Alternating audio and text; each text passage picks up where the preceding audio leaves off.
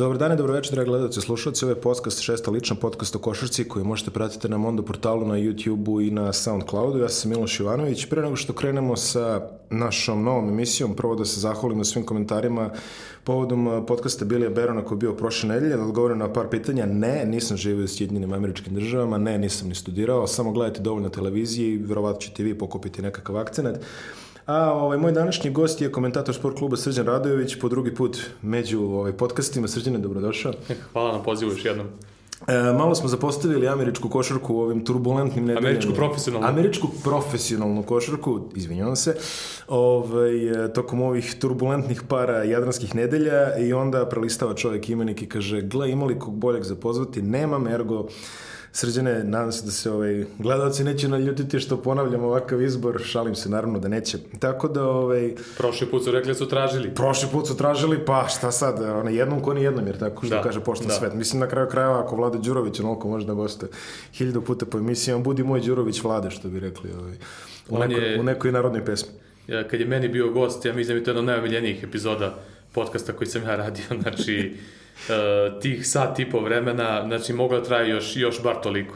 Toliko interesantnih priča, toliko stvari Tako da... Pazi, sad se mi još samo navuko ljude koji mi onako svake nedelje kažu dovedi Vlade Đurovića, ali evo, još, još malo reklame za ovaj trofijnog eh, stručnjaka koji je osvojio Safri ligu sa Zadrom. Uh, E, da počnemo dakle o, o onoj temi što je danas, to je NBA i playoff. Pre nego što krenemo na sam playoff, hajde da se pozabavimo ovaj, prvo ekipama koje nisu imali toliko sreće, nećemo baš sad svakoga detaljno, ali u nekim ekipama je došlo do velikih promena.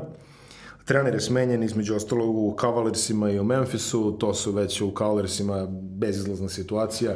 Za sada još uvek nemamo indikacije ko bi mogao biti novi trener. E, u Memphisu Tek tu nema... Tek tu nema indikacije da. šta će da se desi, oni su se kompletno raspali, dobro, to je još Conley, čini mi se, tako da imaće to nešto.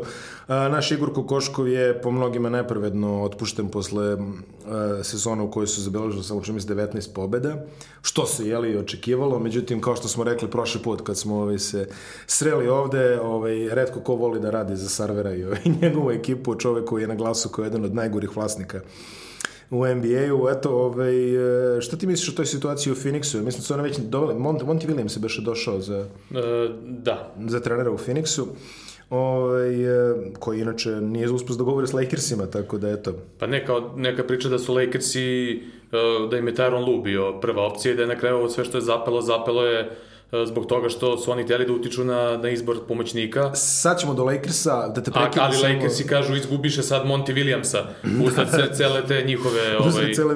E, kako ti izgleda situacija u Phoenixu? Pa ne znam, iskren da budem, mnogi su ranijih godina volili da kažu za njih da su e, jedna... Nisu baš svi, Sacramento su najčešće častili sa tim ovaj, epitetom Mickey Mouse organizacija. Međutim, Phoenix u poslednjih par godina šta radi, zaista mi nije baš najjasnije.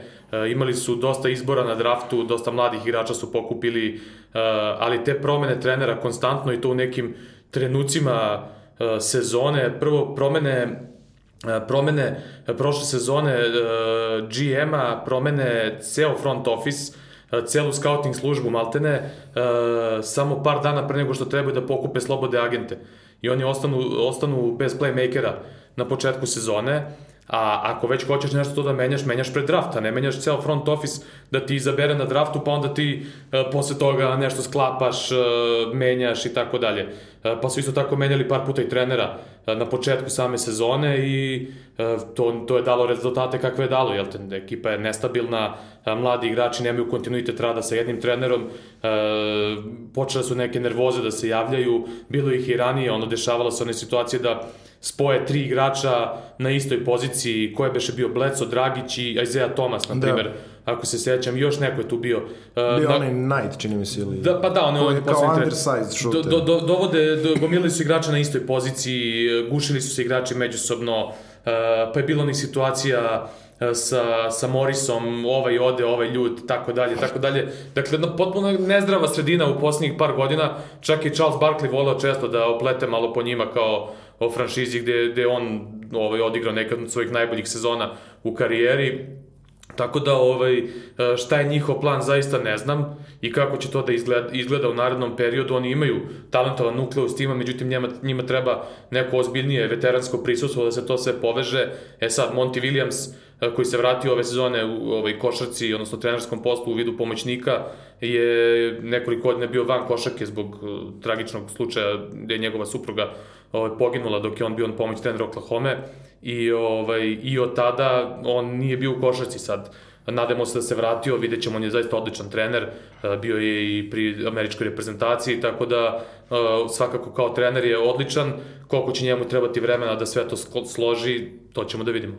Interesantno što se kažeš, bilo je ono još community incidenata, ono prošle sezone, znači imao si prvo Erika Blecova koji tweetuje ne želim da budem ovde, pa se vadi da je u stvari to rekao dok je bio kod frizera, dok je čekao red, da. pa je onda onaj gospodin koji ove, ispalio na nekom potpisivanju, čini mi se, pa je onda... Da, George Jackson, e, da, tako je. Znači, pa je bilo do... kašnjenja na avione i sve bilo, bilo, bilo je svačega u svog slučaju, ove, barem konkretno Igor Kokoško, ja ne nalazim neku falinku, čovjek je radio ono što je imao, naradio najbolje moguće sa time, njemu svakako sva sreća u daljem traženju zaposlenja, mislim da se neće puno zadržati na birovu rada.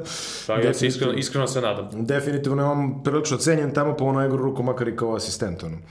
Uh, Sacramento Kingsi su takođe ovaj, promenili trenera, ali oni su nekako uzročno posledično vezani za ono što se desilo u Los Angelesu, tako da ajmo ovaj, prvo da se bavimo Lakersima, što, što si ti rekao juče, čekao sam oko dve nedelje da pošteno opletemo po Lakersima, šalim se, naravno.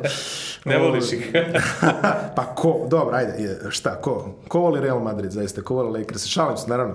Ovaj, e, svi, ovaj, velika franšiza sa puno navijača i utoliko interesantnije u neku ruku videti koliko je zapravo, to sad ono, Amerikanci što imaju izradno dumpster fire, to je ono zapaljeni kontejner, tako trenutno izgledaju ovaj Los Angeles Lakers, da sumiramo šta se desilo od kako smo se ti posljednji put sreli. Uh, pričali smo tada o bojkotu ove, ovaj, cele ekipe naspram Lebrona Jamesa, ono sednje na klupi, jedan, on, on da. namo, svi ostali namo. Da, to je bilo baš jutro kad smo mi snimali. Tako posle, je, da. publika koja, ovaj, Re, Režan Rondo koji sede u publiku. Da. Puno čudnih situacija svakako ovaj, koje se tu dešavaju. Uh, navijači koji skandiraju ostatku Lakersa, Lebron's gonna trade you.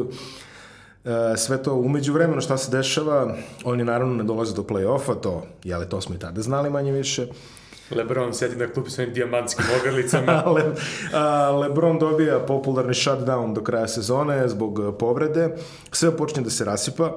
Luke Walton dobija otkaz. E, dolazi do... Odred... Magic Johnson odlazi. Magic Johnson odlazi u jednom neverovatnom potezu. Znači, to je sad i Lebron je pre neki dan rekao da on nije ni znao, kaže, on je to vidio da. kad, kad je najavio na preskonferenciji. Magic Johnson koji, ajde da, ovaj, U, prvo, u prvom momentu je delovalo kao da on beži od svega toga. Znači, da je to neki potez ono kao ono, ne, ne želim ja da više sa vama. Sada, nekoliko ovaj, nedelja posle, kada vidimo šta se sve desilo, znači imamo situaciju u kojoj je front office bukvalno obstruirao izbor trenera. Znači imamo slučaj Tyrona Lua koji ste spomenuo, za koga znamo da je Lebronov čovek. Tako je. Ali opet, ok, Lebronov čovek, ali jedan od šta, pet aktivnih NBA trenera u ovom momentu koji imaju prsten e, kakav god bio, on svakako može da hendluje te situacije. Znači, e, takvog trenera, koliko sam ja čitao, oni su minirali tako što su mu prvo ponudili krat, prekratak ugovor. To je prva stvar. Druga stvar, insistirali su da mu Kurt Rambis, insistirali su da mu Kurt Rambis bude pomoćnik. Ne, Kurt, Kurt Rambis je sad, on je neki savjetnik tamo. E, ali insistirali su, da. koliko sam ja čitao juče, da je bila baš insistiranje da mu Rambis bude u štabu. E, ne, neka je priča da su, da su hteli da, da mu stave Jasona Kida, i koje je ono drugo ime bilo, sad mi stade mozak, ne, neki još e, bivši glavni trener, e, to, to im je bila ideja da mu oni budu pomoćnici, što on nije želeo i navodno je tu najviše zapelo. To je zapelo, jel čekaj, da. koji to trener u NBA-u ovaj, kom, čoveče, ako dovodiš trenera, pusti ga barem da bira svoj štab, ne možeš da mu uh, diktiraš sad. tu je, kažu, bio glavni problem Lakers, jedan od glavnih problema, problema Lakersa u ovom prethodnom periodu, su zamerali Luku Voltonu da njegovi pomoćnici koje on odabrao nisu radili posao kakav se očekivao od njih i kada je individualni napredak mladih igrača u pitanju i kada je generalno, kada je generalno scouting i sve ostale stvari, tako da se kon, konstantno je provejavala ta neka informacija da da su pomoćnici Lakersa nisu bili na dovoljnom nivou.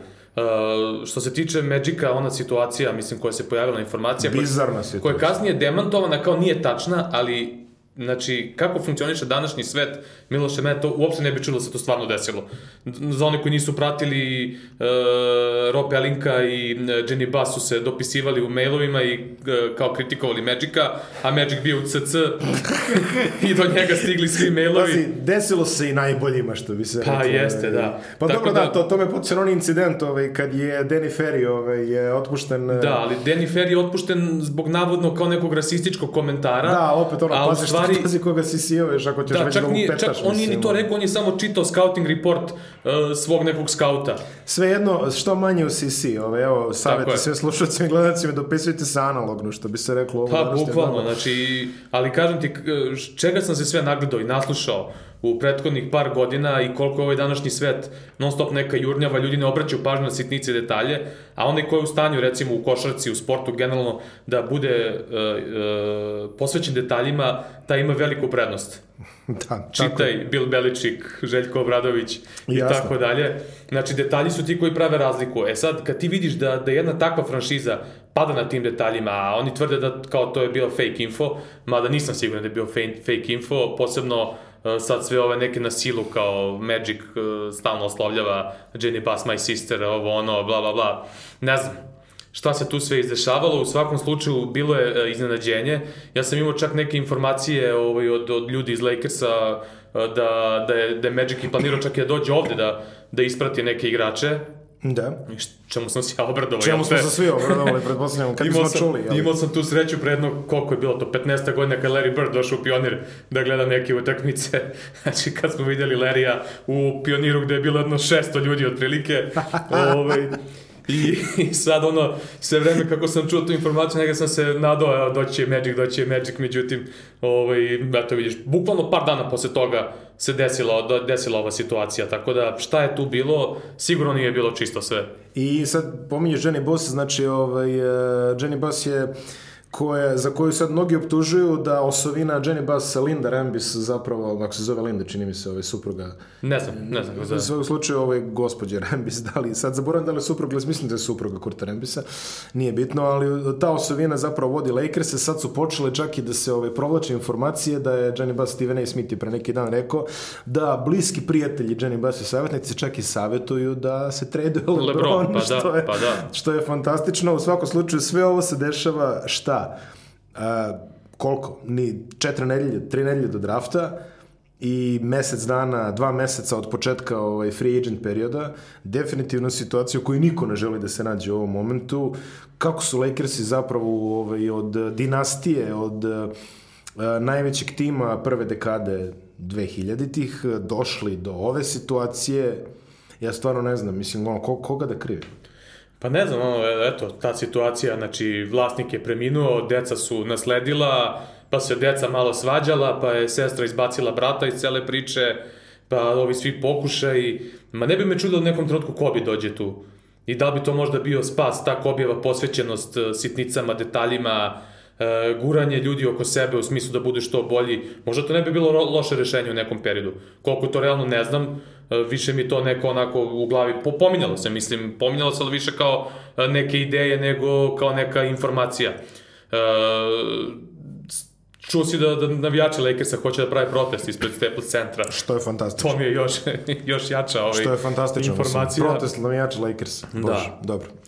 Meni naj, najsmešnija priča to apropo kad kaže protest navijača Lakersa, eh, kad je počeo onaj trade, ja mislim da tu u Miami okrenulo bele majice, cela hala nosi na playoff mečima. Da, da, da, da, da. I sad ovaj, počinje polako to postaje trend u NBA-u kad krene playoff u svim halama nose majice, jedino da ih ne nose u Staples Centru na Lakersima, kažu neće ovi ljudi preko svojih da, da. skupocenih odela da oblače jeftine majice bele ili žute, ne znam ja.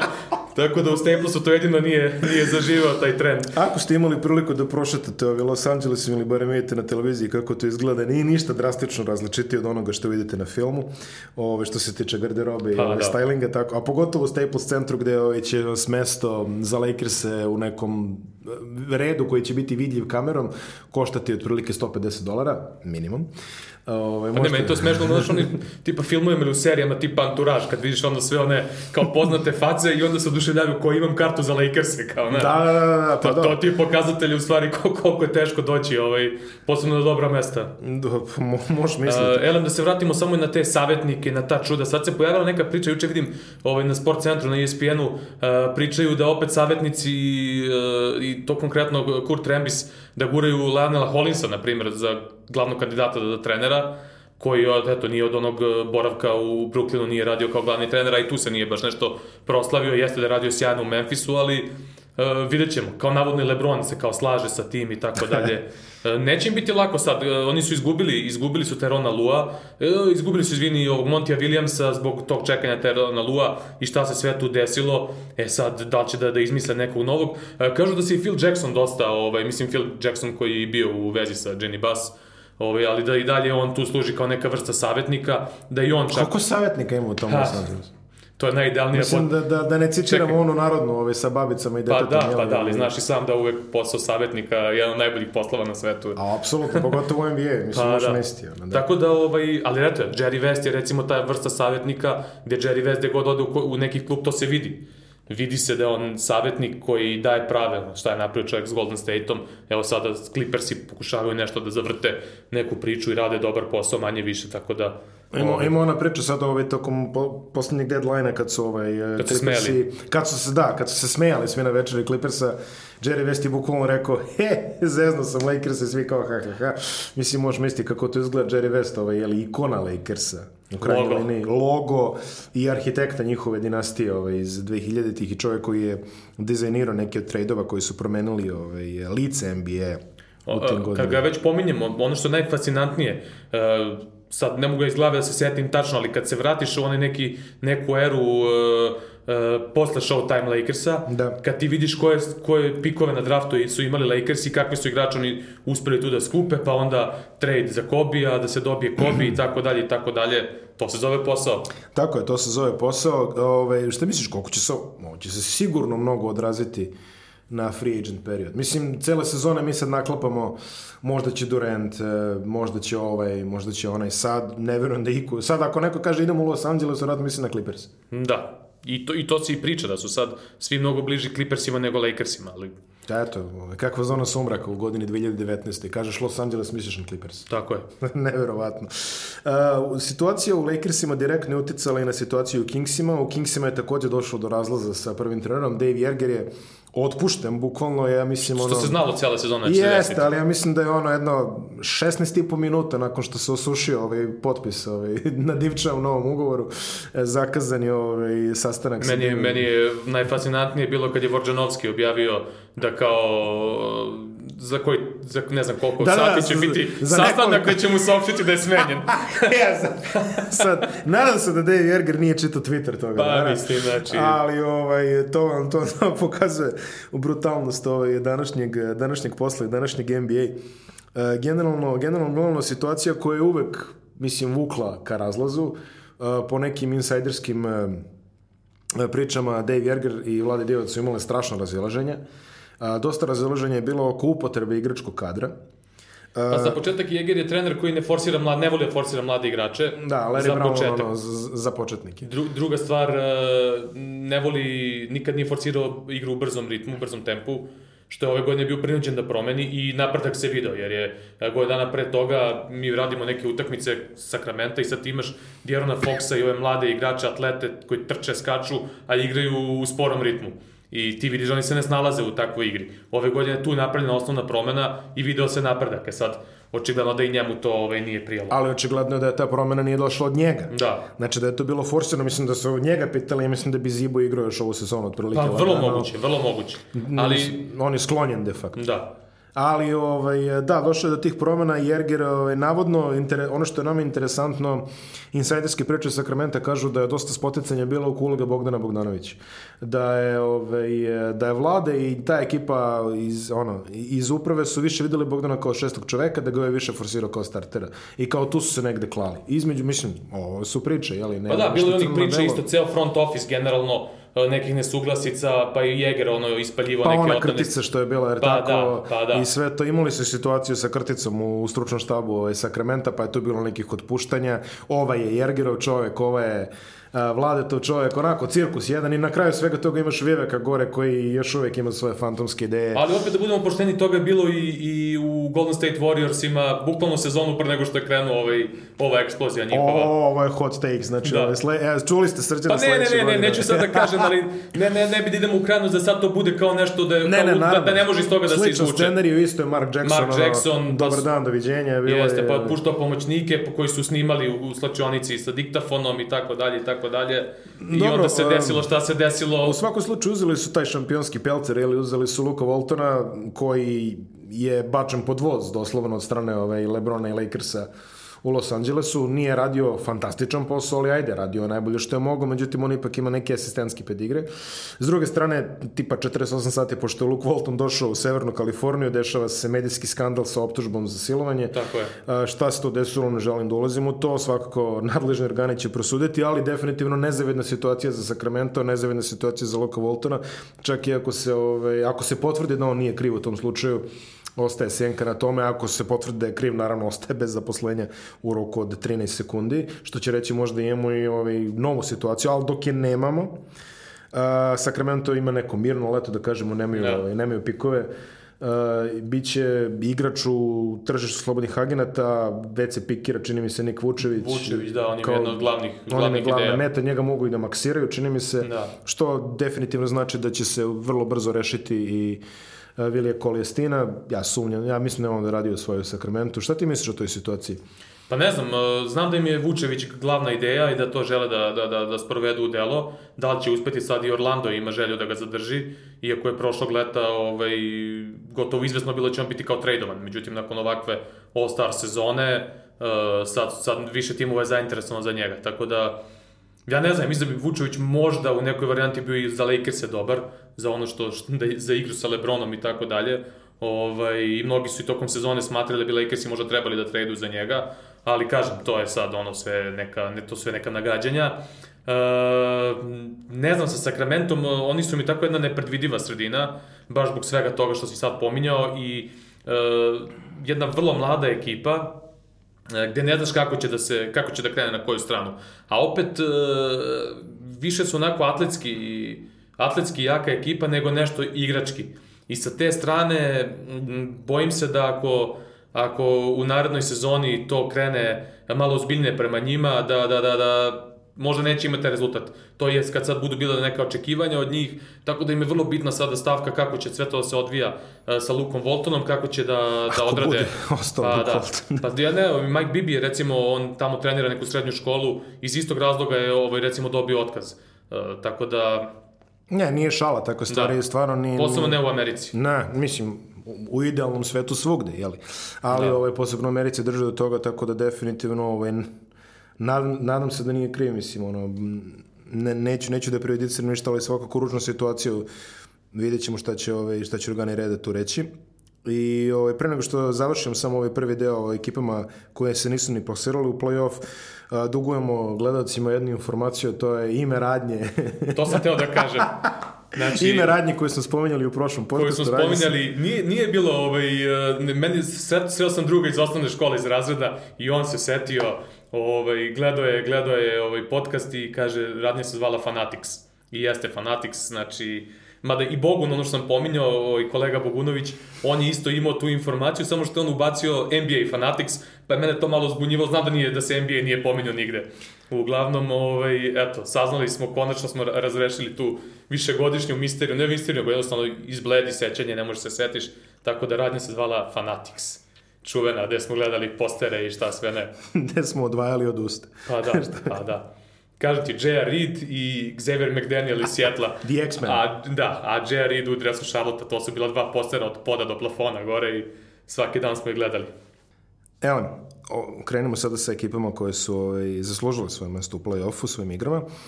Krenemo od istoka, uvek volimo da krenemo od istoka, geografski što bi se reklo. Uh, u prvoj rundi koja je prošla imali smo Metal za Detroit i Indijanu, imali smo marginalno bolji otpor Magica i Netsa, mada ajde, barem ova serija sa Netsima delovala kao da će to biti malo gušće. Ali ajde krenemo iz početka. Znači, prvo Detroit, Indiana, šta misliš? Dobro, Indiana, ja mislim, to, to, je to. to smo i prošli put pričali, rekli, da, razradili smo da, da, da Detroit meni je jedna od najdepresivnijih ekipa i koju apsolutno ne volim da gledam i negde si očekivao da će tako biti. Na sve to se nadoveže i tradicionalni maler Blake Griffin eh, koji ne može da odigra jedan play-off da ga ne, ne snađe neka povreda, mm. tako i ovde bilo, iako se on mučio, trudio se da igra s povređenim kolenom, ne, jednostavno nije uspeo i generalno Milwaukee tu mnogo, mnogo jači bio i očekivalo se ono da će biti 4-0, tako i bilo.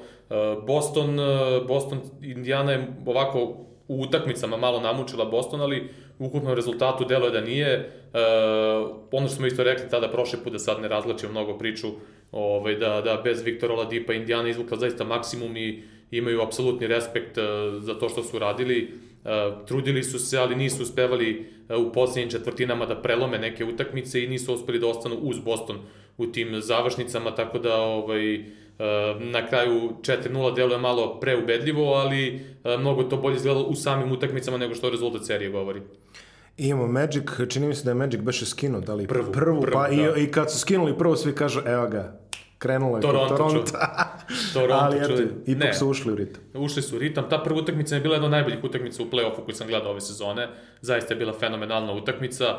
Magic je dobio tu, međutim, kako odmicala serija, e, jasno se video faktor Marka Gasola, ono što sam pominjao kada smo prošli put pričali, e, da kad krene play-off da će tu videti zapravo taj efekat Marka Gasola, prvo kao neko ko će biti tu sekundarni playmaker sa pozicije centra u momentima kad se ne bude kad ne bude moglo toliko da se trči kako se trčalo tokom regularne sezone odnosno Toronto nije tim koji igra na veliki broj poseda ali jeste tim koji je vrlo efikasan u tranziciji i kad im ostavite prostor da istrče oni će vas uništiti u tom segmentu. A onda drugi faktor Marka Gasola koji je zaista defanzivno uništio Vučevića čuvao ga je fantastično, ekipa Orlanda nije uspela da pronađe igru da obezbedi Vučeviću da, da postiže poene, samo jednu utakmicu odigrao na svom nivou, što se poena tiče skokova, sve ovo ostalo, Marga Sol ga je non stop terao od reketa, nije mu dozvolio nijedan lak pogled ka košu, otvoren pogled ka košu, tako da je on jedan od faktora u toj seriji koji je poništio glavni kvalitet ekipe Orlanda, a ovi ostali igrači su tu jasno bili kvalitetniji, tako da ekipa Orlanda nije imala prevelike šanse u toj seriji, a evo i sada sa Filadelfijom, pričat ćemo o toj seriji posle, taj efekat Marka Gasola defanzivno pokazuje se da, da i sa Embiidom se vrlo dobro nosi. I imamo uh, dosta interesantnu seriju između Filadelfije i Netsa, ovaj, u kojoj je Brooklyn ovako. Bilo je tu malo vatre, dima, Pa, da smo prozivanja. pričali, ja rekao onda da, da, da svi, svi po NBA-u pričaju da kogod naleti na Brooklyn da mu neće biti lako. Pa bila je na kraju 4-1, ali dosta 4-1, teže, do, dosta nego, teže što, nego što da. Posebno ona utakmica e, kada su isključeni Jimmy Butler i, i Jared Dudley na toj utakmici, znači nakon tog isključenja, iskreno ti budem, mi smo radili posle te utakmice, smo radili de, e, San Antonio Denver, ja sam mm. tu utakmicu gledao kod kuće i onda sam morao krenem na posao, pa sam došao da odgledam na posao ono poslednjih par minuta. Ja sam se iznervirao na trenutku, toliko sam se iznervirao kako su sudije promenile kriterijum na štetu Bruklina nakon tog isključenja i generalno to isključenje meni bilo sramotno. Znači, ok, izbila je ono kao neka frka na terenu i sve, ali to nije bila tuča. Nije za isključenja bilo. Ono, I ne znam ko je što konstatao od ovih NBA analitičara kao najgori e, playoff isključenje u istoriji NBA playoffa. Znači, za ljudi koji su se ono nagurali samo i to je to, nije bilo nikakvih udaraca, nije bilo ništa. I ovaj, nakon toga ide drastična promena kriterijuma i tu je Filadelfija otišla. Da nije bilo toga, možda bi ekipa Bruklina izvukla to, ja mislim da bi u tom trenutku bilo 2-2. Onda bi bilo, ja sam negde i očekivao da će biti 4-2 za ekipu Filadelfije, E, Brooklyn je radio odličan posao, ali eto, nisu, nisu imali dovoljno kvaliteta. E, pre svega oni nemaju, nemaju koga ko može da čuva Embida. I to je bio njihov najveći problem. Pokušavali su u svim varijantama i tokom sezone, probali su nižim postavama i Ronde Holly Jefferson i i Jared Allen koji ne može da ga čuva i tako dalje i tako dalje. Davis, Davis im je bio povređen na sve to, a i onda je bio zdrav, ne bi mogao ništa protiv Embida, tako da nisu imali mnogo šanse, izvukli su maksimum i zaista respekt za Brooklyn, ja sam već prošli put sam ih ishvalio i pričao koliko respektujem njih kao franšizu u ovom momentu šta sve rade i kako se vraćaju na pravi put, tako da neću da ponavljam sad to, ovaj, generalno jedna odlična sezona iza njih. Na zapadu u prvoj rundi imali smo ovaj, Jutu koja je pružila koliko toliko solidan otpor, ajde koliko su mogli, što bi se reklo. imamo apsolutno samo uništenje ove Oklahoma u seriji koji su mnogi na, nalazili da će biti neizvesnije nego što je. Ja sam čak i mislio da će Oklahoma da, da prođe tu seriju. Nisi bio jedini, Oklahoma je nekako i moj pik bio, međutim Westbrook u kompletnom kontraritmu, ali ajde da, da vidimo šta je upravo Utah uradila, znači oni su izvukli koliko su mogli. Meni, ja sam ono, kad smo mi radili najavu play-offa, sam rekao za mene to 4-0, 4-1 za Houston, jer Utah kogod je dobar defanzivni tim, nije toliko u stanju da parira, da parira Houstonu, što se videlo i prošle sezone. Prošle sezone su imali izgovor u smislu povreda Ricky Rubija i tako dalje, ali ove godine jasno bilo, iako su oni probali onu strategiju koju Milwaukee uradio u jednom, preca, u jednom meču u regularnoj sezoni, da usmeravaju Hardena e, u desnu stranu i da mu se popnu na levo rame, da, da mu ne dozvoljavaju step back, nego su ga puštali da ide na ulaz i na eventualno pasove. Međutim, oni su tim nekim momentima pomagali sa šutera, uh mhm. -huh pasovi su išli, ovi su ih šuterski uništili, tako da oni su sve vreme te serije pokušavali da eksploatišu tu strategiju. Jednostavno ti moraš da uđeš neki koncepcijski rizik kada igraš protiv tako dominantne ekipe kakva je Houston.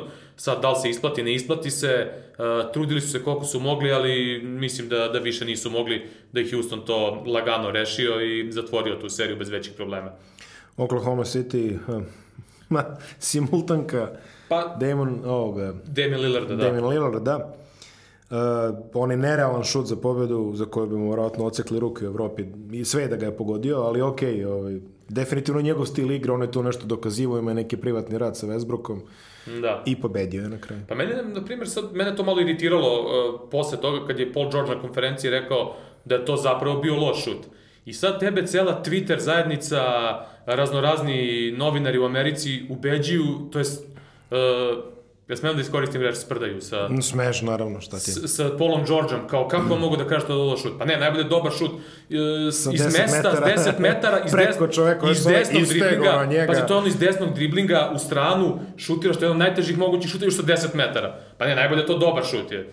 Mislim, čovjek je pogodio svaka mu čast i sve to super, ali ne možeš ti da... da... Šta je čovjek rekao? Ima nešto tipa 8 od 12 sa te distance. Pa da, i sad vadiš tu statistiku, ok.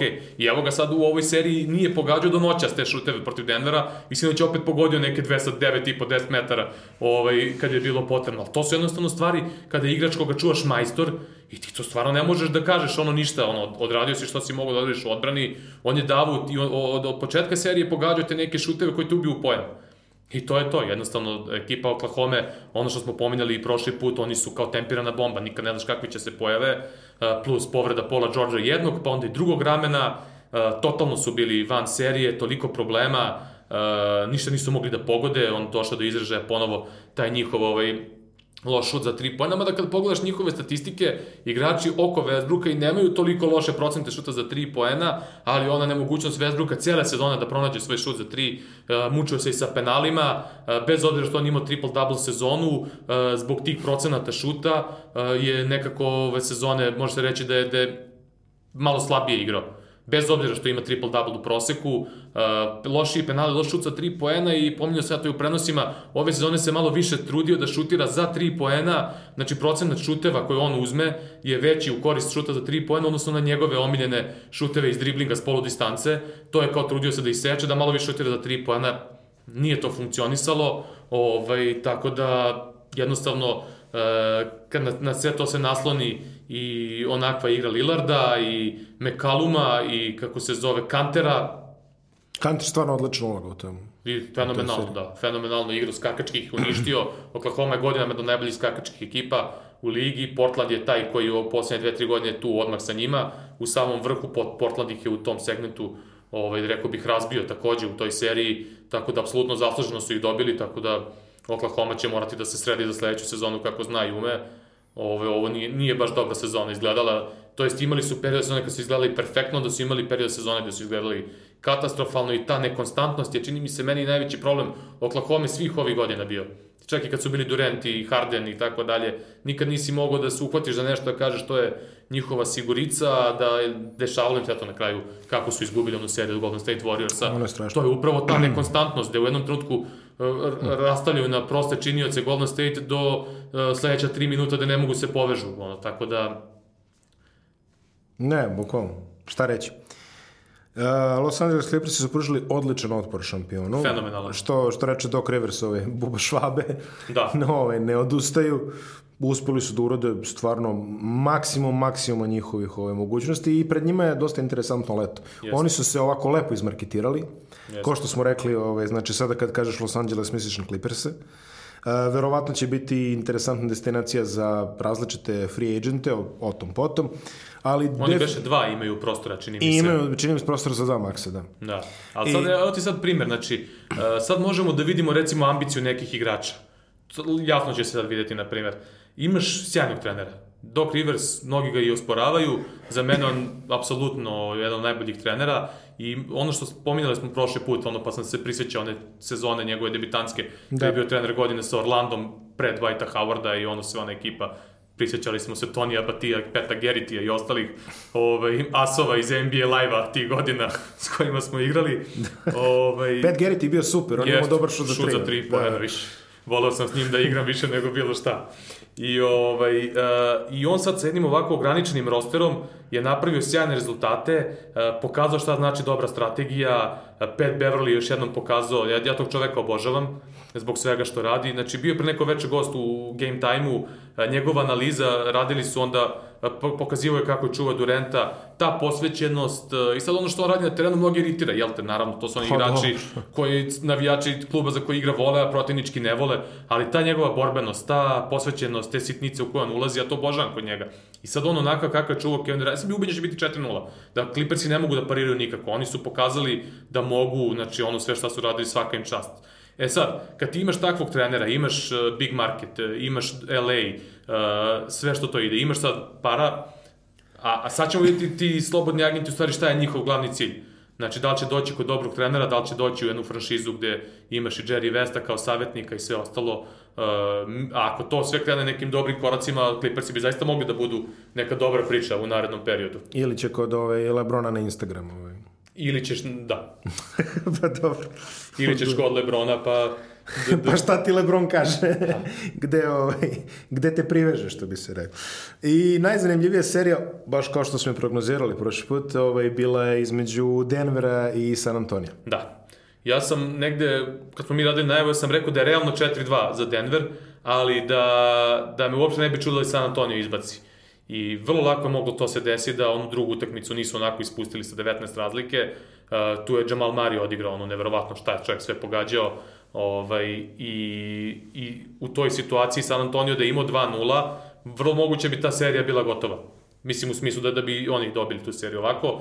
San Antonio, što smo i najavljivali, nema više tu vrstu kvaliteta kao ranije, imaju iskustvo, ali nemaju, taj, nemaju defanzivni potencijal kakav su ranije imali, a opet Greg Popović iz eh, jedne ekipe gde, gde nema toliko dobrih defanzivaca, napravi neku solidnu timsku odbranu, uspe nekim zadacima da u nekom momentu zaustavi Jokića, u nekom momentu Džamala Marija i tako dalje i tako dalje, da izvuče maksimum iz svoje ekipe. Međutim, ono što se kaže na, na, na hrpi, e, ipak nije to dovoljan kvalitet da bi se izbacila na takva ekipa kakva je Denver i na kraju Denvera to pobedio. Mislim, Denver, Denver je jedan od onih timova koji igra dobru košarku, ali opet to su oni timovi koji često e, zavise od nekih suludih šuteva.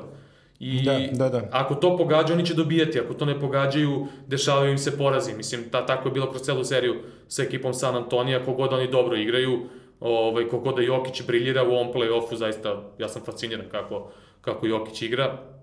Ovaj, tako da a, ta serija jeste bila nekako naj, najinteresantnija i mogla mnogo toga da se vidi ovaj, od raznoraznih trenerskih prilagođavanja na terenu, ovaj, zaista onako bilo je uživanje pratiti tu seriju. I još samo da je ovaj, Lamarko Soldri čuo da treba da folira. Da.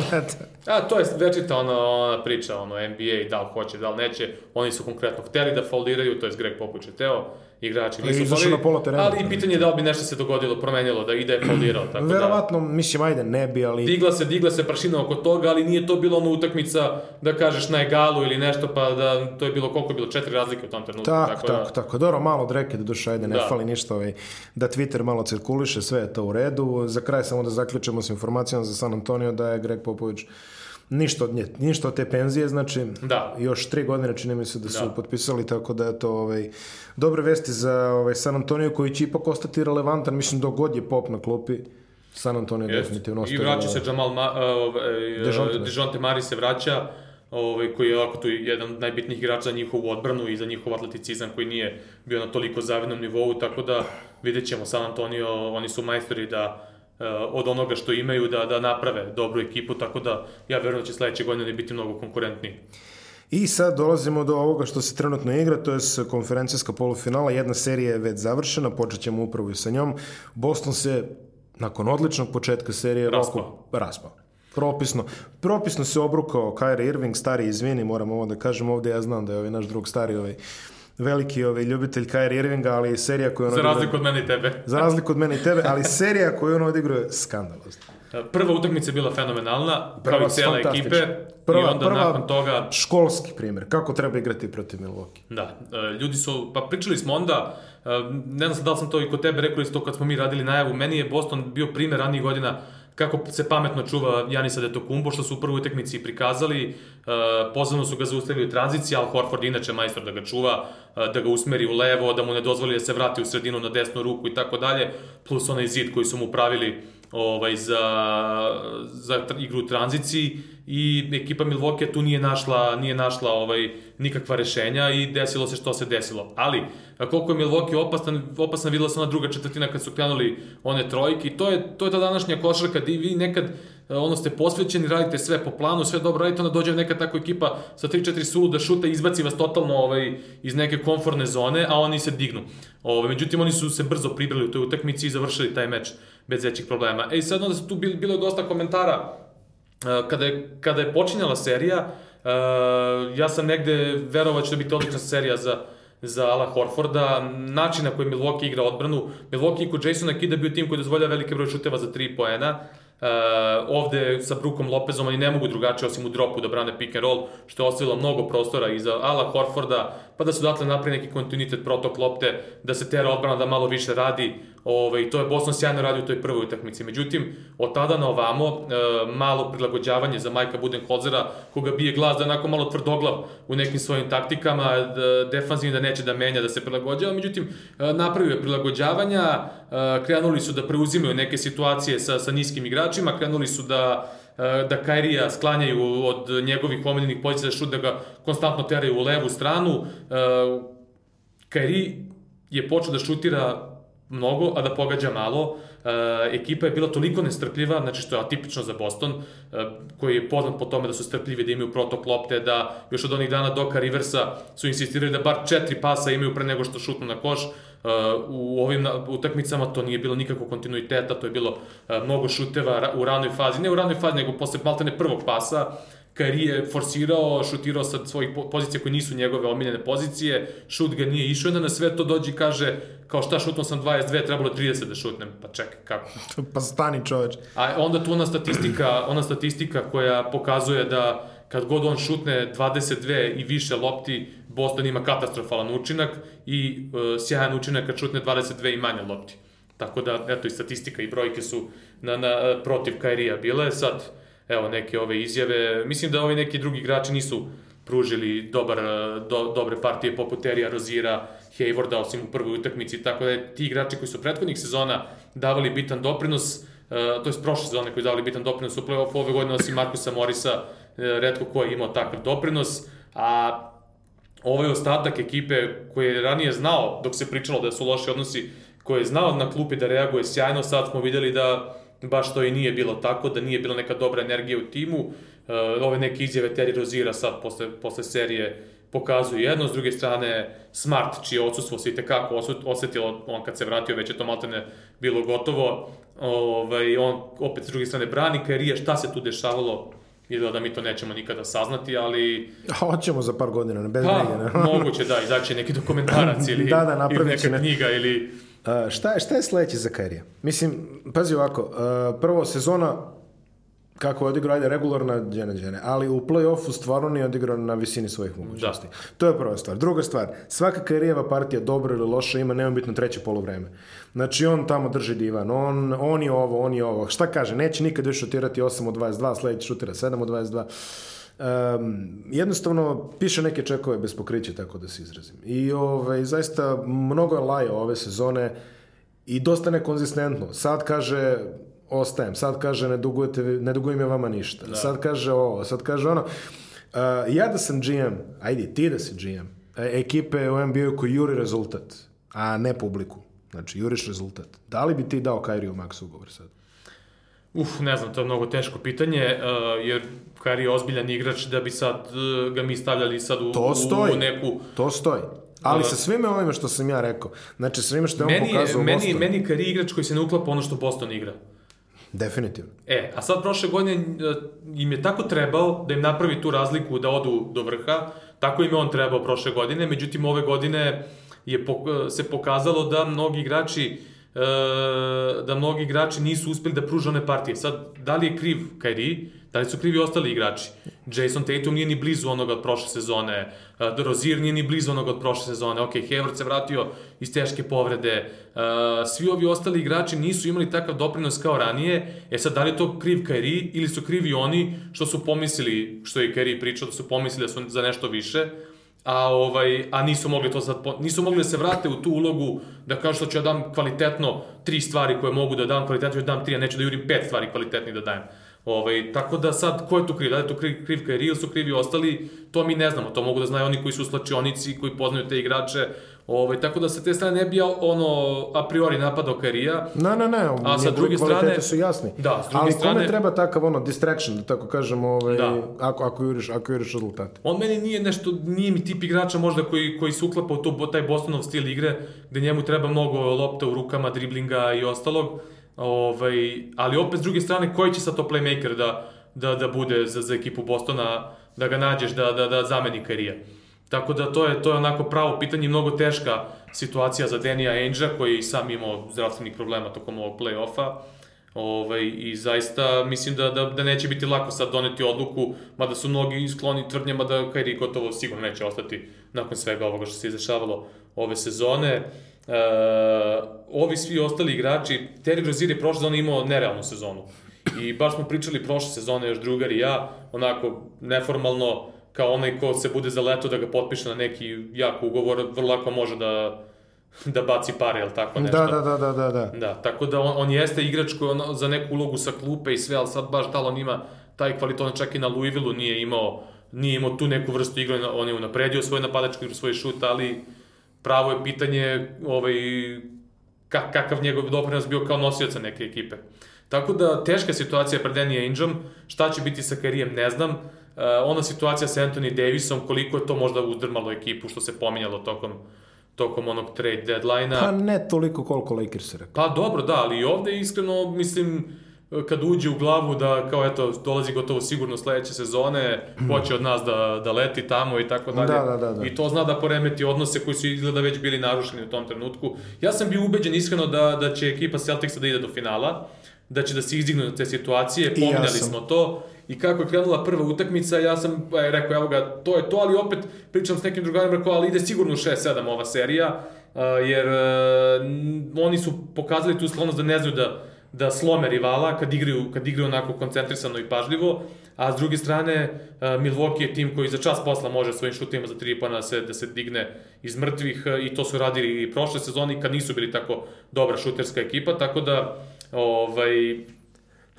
na kraju se to nije dobro završilo po ekipu Bostona, jer kažem ti, nekako ja sam ubeđen bio da će oni da imaju neku uh, neki taj mentalitet e, i ponos da kaže, ok, sad ćemo se priberemo, pusti ovo sve što se dešavalo do sada, idemo sad da gazimo. I tako je dobro krenulo, dobiješ 4-0 prvu seriju, pomisliš kao sve se sad složilo, međutim, nije se složilo, tako da vidjet ćemo slede... A, debata o Kairiju me žestoko podsjeća na debatu o Chrisu Weberu iz sezone, koja je beš, 2003-2004?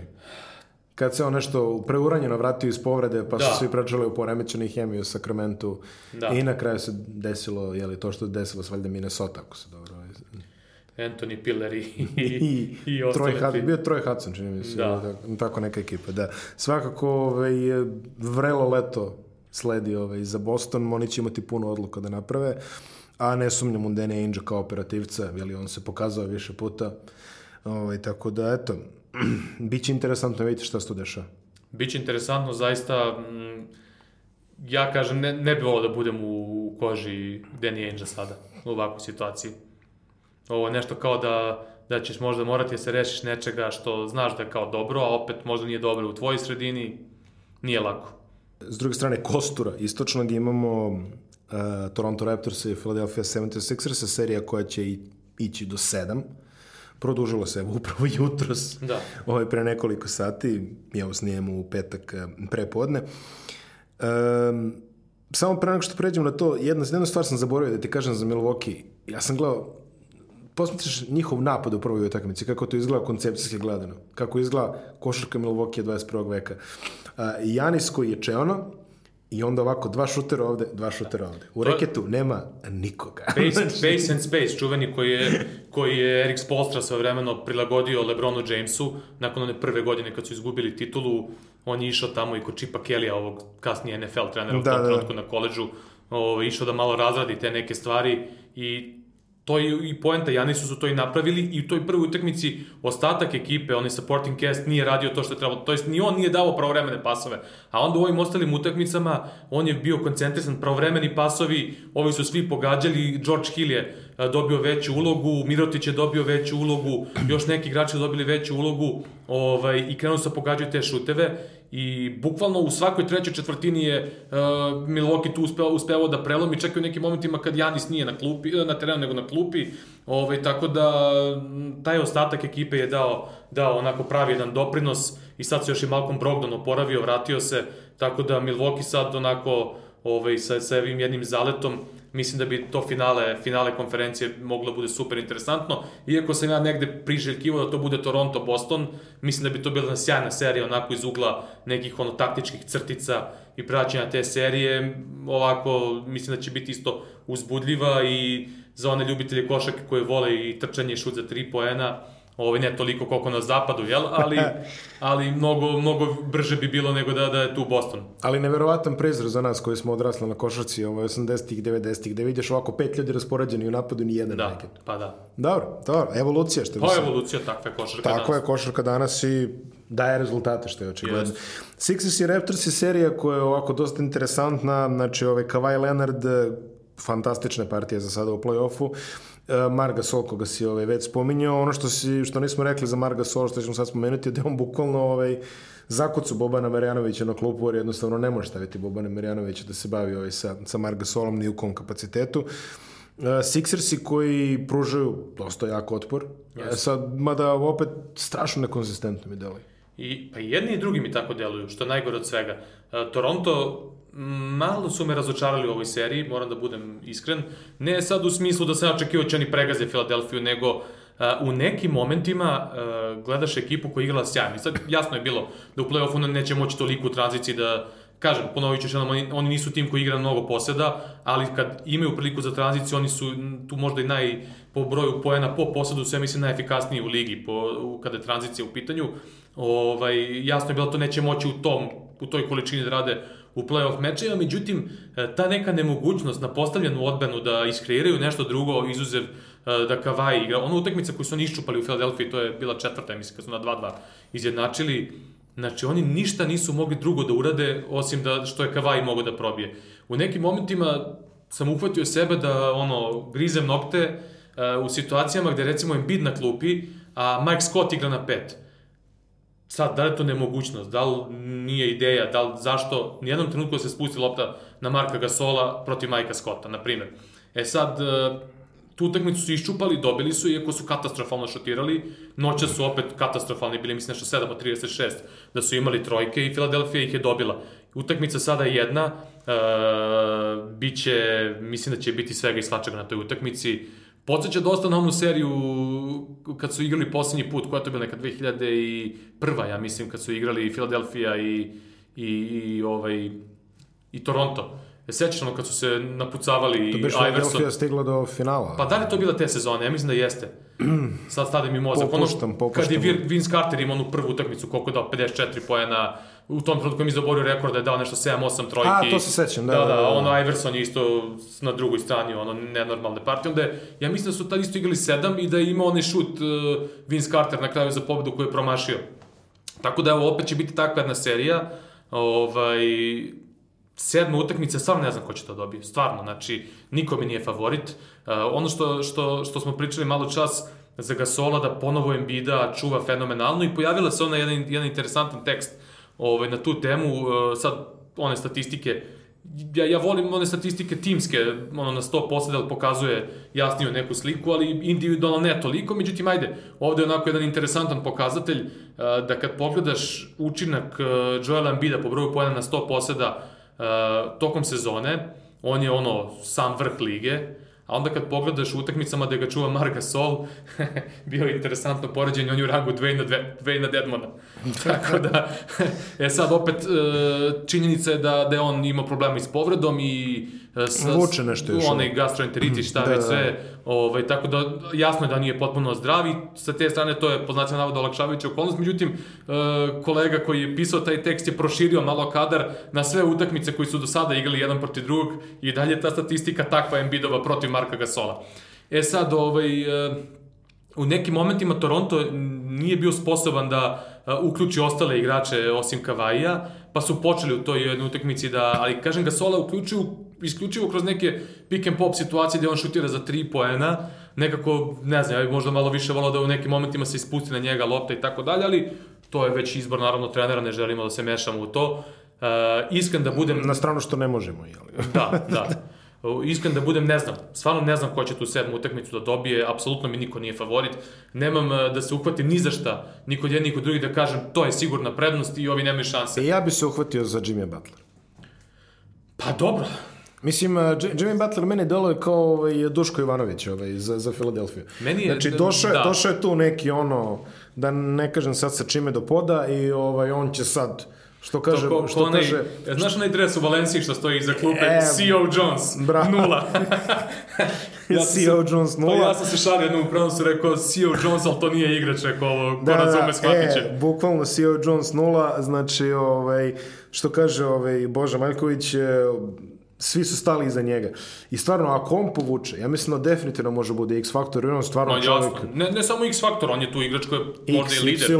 On je možda Z, i lider te ekipe i on kad je, kad je povukao posle one prve utakmice, krenule su dobre stvari po, po ekipu. On definitivno može, a sad, opet, naravno, dugoročna budućnost, ovaj, Jimmy Butler je uvek neizvesna, mislim, to je čovjek koji sutra može se nacrta na posle da kaže vi ste svi slepci, idem ja odavde, a da. s druge strane, ovaj, međutim, kad je u ovom plus fazi, definitivno moraš da ga jašeš koliko god možeš.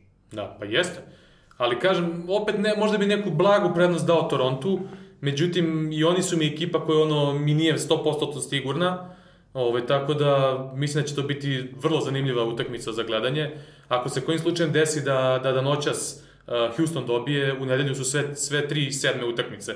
Tako da će biti opaka nedelja veče. Prokle, prokleta nedelja. Da, da, da. Prokleta nedelja. Selimo se na zapad. Izvini, samo da, da se dotaknemo kaže, kaže. ove situacije, ovo, kako ti gledaš na ovo što, što porede ovaj, sa Kobijem, Kavaija? što je bilo ona priča tamo. Ja, da, da, a? neko je, neko je rekao ove, da je Kavaj pogodio više klat šuteva. Pa i kao da je bolji od Kobija u tim nekim stvarima, mislim, Ovaj, ja moram vrlo pažljivo da, da, da, da, da ocenim šta će reći ovde. Ovaj, u slučaju ovaj, ne, da, ne, ne, da kolega Ivan Ognjanović sluša. Ovaj, ne, šalim se, ovaj, ostavit ću, ovaj, ostavit ću, ostavit ću ovo po strani. Kavalj igra fenomenalno, ali je preterano. preterano igra, igra fenomenalno. Preterano je Onaj šut što je pogodio za pobedu, ona da, trojka što je da. izvukao, ono je stvarno u rangu nekih najluđih, sa dva čoveka na vratu, da. jedan mu je u grlu bio dok je šutirao, pogodi čovek. Čak kažem ti, nekako mi se malo ne dopada to što se preteruje sa igrom na njega. Oni očigledno u nekim momentima nemaju drugih opcija, nisu u stanju da pronađu druge opcije. Nije mi to jasno, a nijedan, nijedan nemaju šta. Pa da. Naime, e sad, Nije da, opciju na svakom čošku. Da će to uspeti da skockaju za sedmu utakmicu, ako uspeju, meni su oni Evo, ovo Licko bliži od, od pa, filma. Pa, ako ga ne skockaju, tada neće nikada. Mislim, pa, da. u finalu ih čeka ovaj ludak i onda ovaj, to će već biti malo više problema. Jeste. Mislim, konkretno, to, to može bude svašta da bude definitivno, ja vidim, kogod prođe, Milwaukee je veliki favorit, po meni.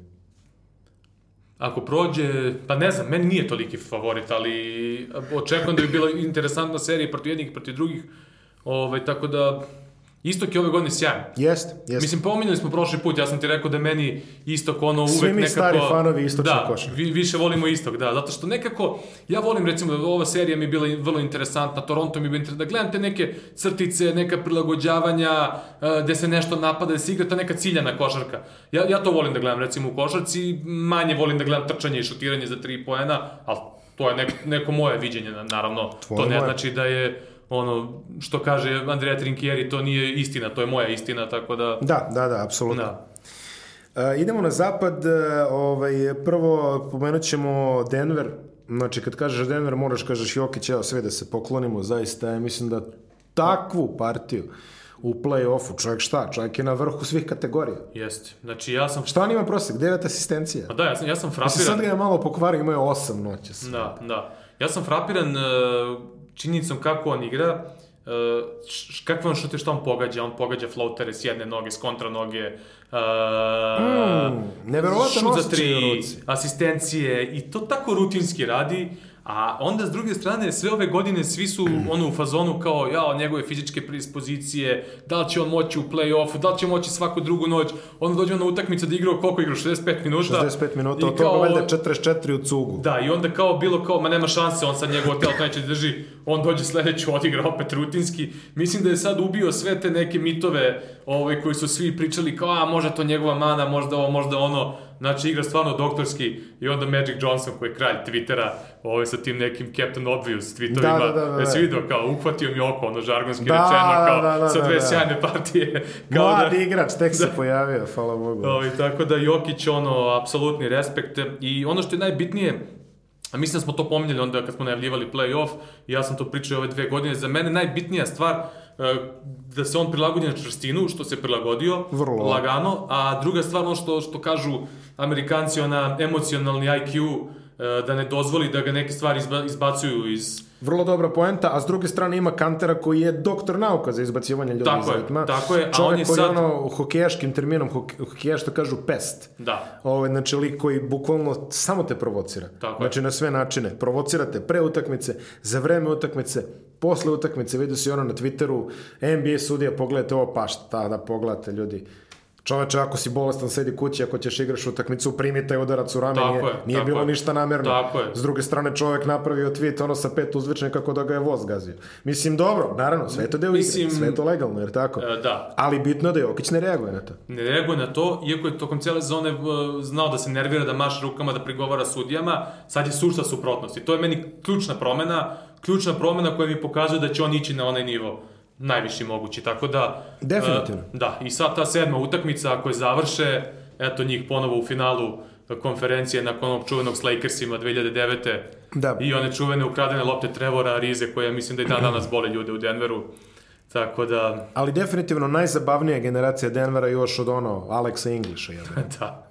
Što je bilo Kiki pre... Van de Vee i ovi Kiki Van de ostali. Vee, Alex English, Fete Da. I ove ostalo. Ove, Pa da, da, da. Ost, ostala Ona ekipa. era Daga Moa kad su Era krenuli. Daga Moa kad su igrali na 140 poena. Tako je, otprilike. Dag Mo je meni najveći kralj, znači to je čovek, znači za njega su stalno ono pričali, čito sam neke, neki njegovi pomoćnici su pričali, stalno su se uh, sa njim svi treneri sprdali u smislu kao on je ovakav, on je onakav, ovo što on igraju to je smešno, uh, pogledaj ti njegove ekipa daje 140, a primaju 138 poena, bla bla bla. On je neko koji je koji je učenik Dina Smitha i neko ko je uh, jedan od prvih trenera koji je krenuo da, da, da meri te uh, napade i broj poseda. I onda on stalno to govorio, to par puta sam ga i citirao u prenosima, kako on rekao kao u fazonu, ja nisam kao, sigurno nisam najpametniji čovek na svetu, ali dok god ima idiota koji gledaju broj poena, ovaj prosek poena po utakmici, znam da nisam i najgluplji na svetu, E, a, tako pa, da... a pazi se da ovo, pazi se da ovo. U generaciji Daga Mova imao si playmakera Fetija koji je vodio u skokovima. Da. A sada u generaciji Majka Melona imaš centar koji vodi u U asistenciji. asistencijama, da, sve se, sve se obrnulo. Znači, da. obrnuli se ga bukvalno, ali igraju jednako atraktivno. E, ovaj. i sad to da, Doug Moore, recimo, što, što pričaju njegovi pomoćnici, svi treneri su stalno njega nešto kritikovali, pljuvali, ali kažu pomoćnici da su stalno dolazili kao toliko ovih glavnih trenera dođe kod mene, jeli, kako Doug Moore, ono, šta ono ovo, šta ono, kako oni, stalno su pitali, Da, a da, da, vamo da, kao da. on je klovan, on je ovo, je ono, međutim, eto, to je to. Je to. I sad ono, eto, ja sam to isto par puta pomenuo u prenosima, najefikasnija utakmica u istoriji NBA-a, igrali su Denver i Detroit svoje vremeno, Uh, i jedni i drugi su šutirali jedan od dva za tri poena.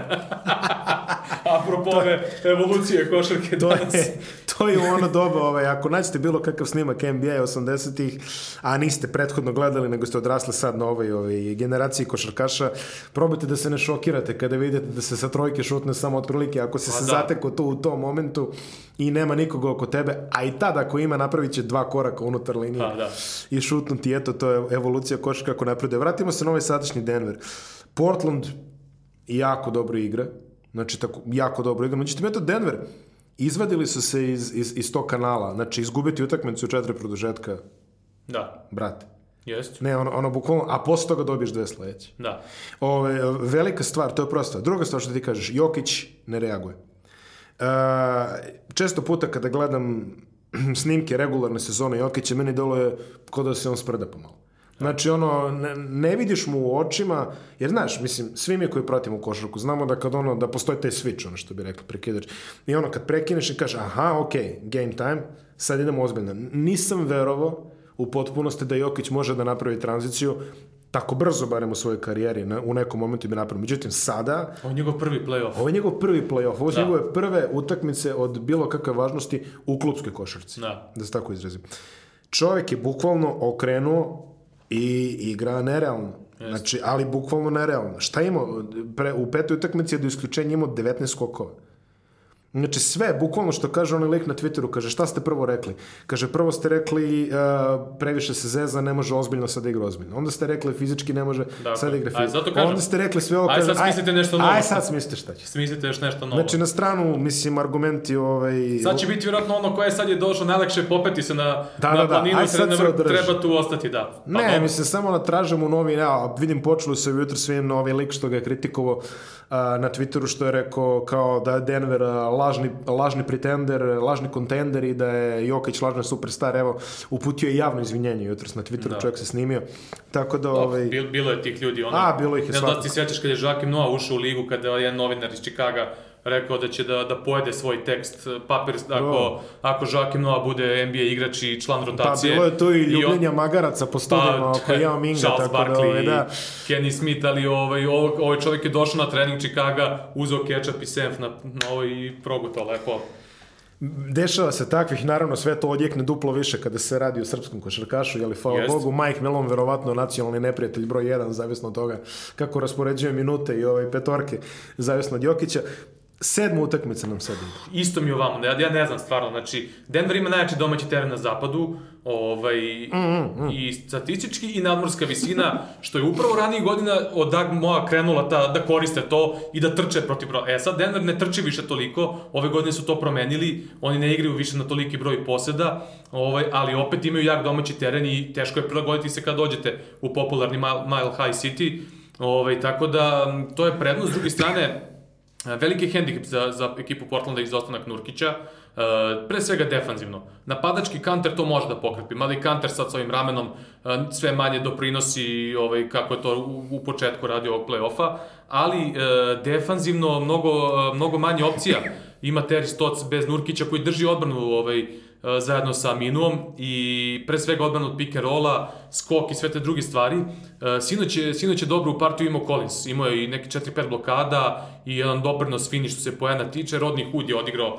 ponovo jedan, jednu X-Factor partiju, 25 poena. Ova dvojica, Lillard i McCallum su se konačno sklopili da obojica odigraju istu utakmicu perfektno, tako da su da sinoć uspeli da dobiju. E sad, to opet kod Portlanda nije, nije sigurno da će to preneti i u sledećoj utakmici. Oni su isto taj tim koji ne može da se uhvatiš za nešto da im je konstanta, posebno nije konstanta da, da, da McCallum i Lillard zajedno odigraju dobru utakmicu. Ako to budu uspeli da urade, oni će moći da, da se nose sa, sa ekipom Denvera, ali e, generalno, kažem, taj izostanak Nurkića jeste veliki hendikep defanzivno, defanzivno pričam pre svega, ovaj, ne u smislu da bi on sad jedan na jedan Jokića čuva Da, da, nešto, da. pa nego pick and roll i sve te stvari, znači mnogo tu više faktora od one čiste jedan na jedan igre, tako da ovaj, e, to je za njih zaista veliki hendikep, E, jeste Denver blagi favorit, ali opet sad tu treba, eto, sad oni su tu prvi put, e, ta ekipa na, u play-offu nemaju iskustva osim Pola Millsepa, sad će biti pravi test za njih da vidimo kako će ovaj pod pritiskom odigrati tu sedmu utakmicu. X faktor,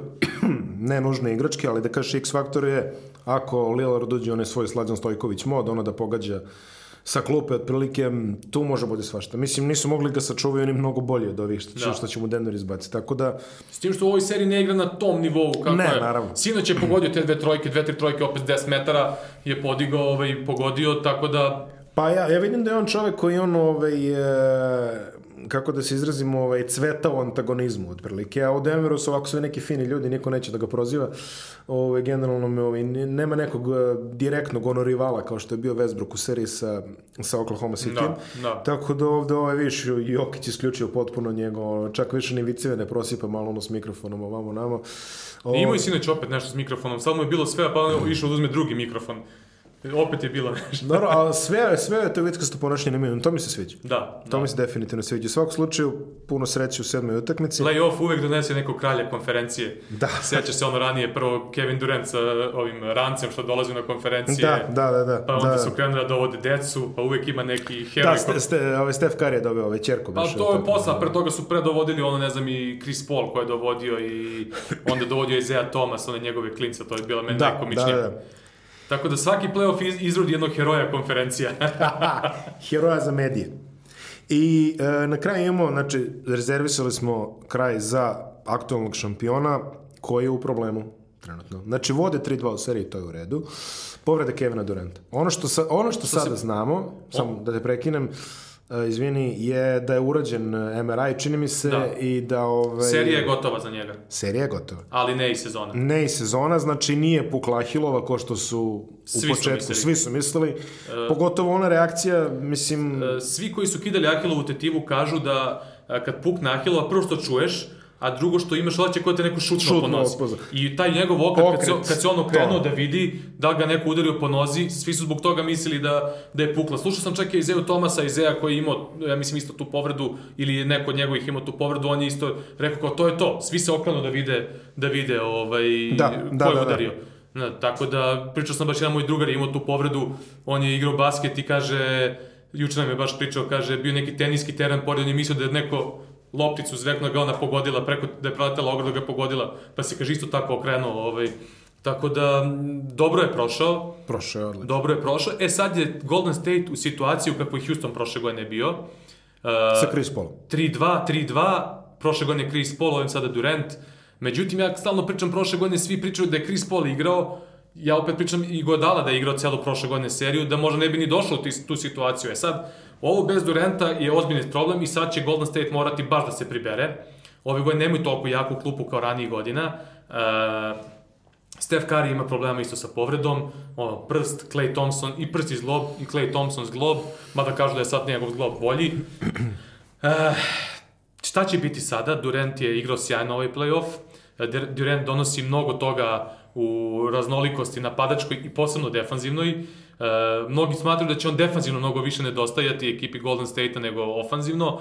A ofanzivno e, će možda sad biti neka situacija gde ćemo gledati ekipu Golden State-a pre dolaska Kevina Duranta sam, e, jer on jeste definitivno ball stopper, ono, Da. i, i činjenice, njega ne može niko da čuva, on je hodajući mismatch i koja god da je opcija na njemu, on će to lako da eksploatiše, bilo šutem za tri, bilo igrom licem, bilo leđima ka košu, tako da sa te strane bi trebalo očekivati vrlo verovatno da će Golden State mnogo više imati oni njihovih ono split post akcija, utrčavanja više, katova po čelnim linijama i tako dalje tako dalje, tako da će biti možda i sa te strane možda teži za branjenje.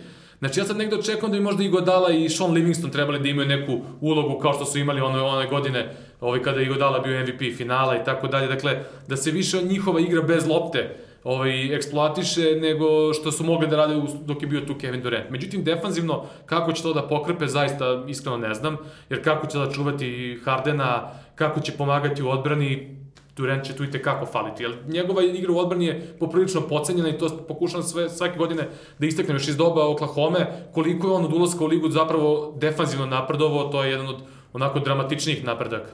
E, kažeš hodajući mismatch, svi koji to žele da iskuse, ovaj, definitivno nek probaju da igraju NBA 2K, bilo koju igru, od kako, od kako je Durant ovaj, tu. Ja sam baš ovaj, e, juče ovaj, u trenucima opuštanja i razvono da imao jedan ovaj meča protiv Duranta, dao mi je 30 za poluvreme i to se završilo ne, neželjeno po moj joypad, ali u redu, ovaj, svakako, ovaj, definitivno ako ti iznervira toliko igrici, ali eto, nije, nije daleko od istine. Što Ja sam otišao u penziju što se tih igrica tiče, ima već jedno deseta godina, O, tako ja, da ja ne odustajem. ne mogu previše gledam u ekrane i onda ne prijemi.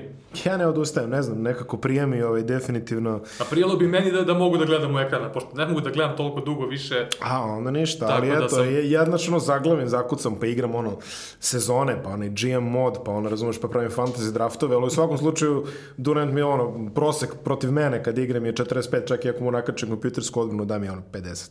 Nije to sad nebitno, ali leto čisto da malo dočaramo ljudima da. kako to izgleda definitivno. Tako da Golden. State, Golden State je sada na najvećem testu i iskušenju svih ovih godina, ovaj, iako se svih ovih godina isticalo kako su oni tim koji je taličan u smislu da se protiv njih svi povređuju i da gotovo da nisu odigrali nijednu seriju da je protivnik bio kompletno zdrav. Sada je situacija da potvrde obrnuto da probaju one da se iščupaju iz ove situacije i da nekako dobiju jedno od preostale dve utakmice ovaj, protiv ekipe Houstona koja igra zaista odlično. Ja nisam fan igre Houstona, to moram da kažem, ali eh, respektujem ih maksimalno. Ali ide.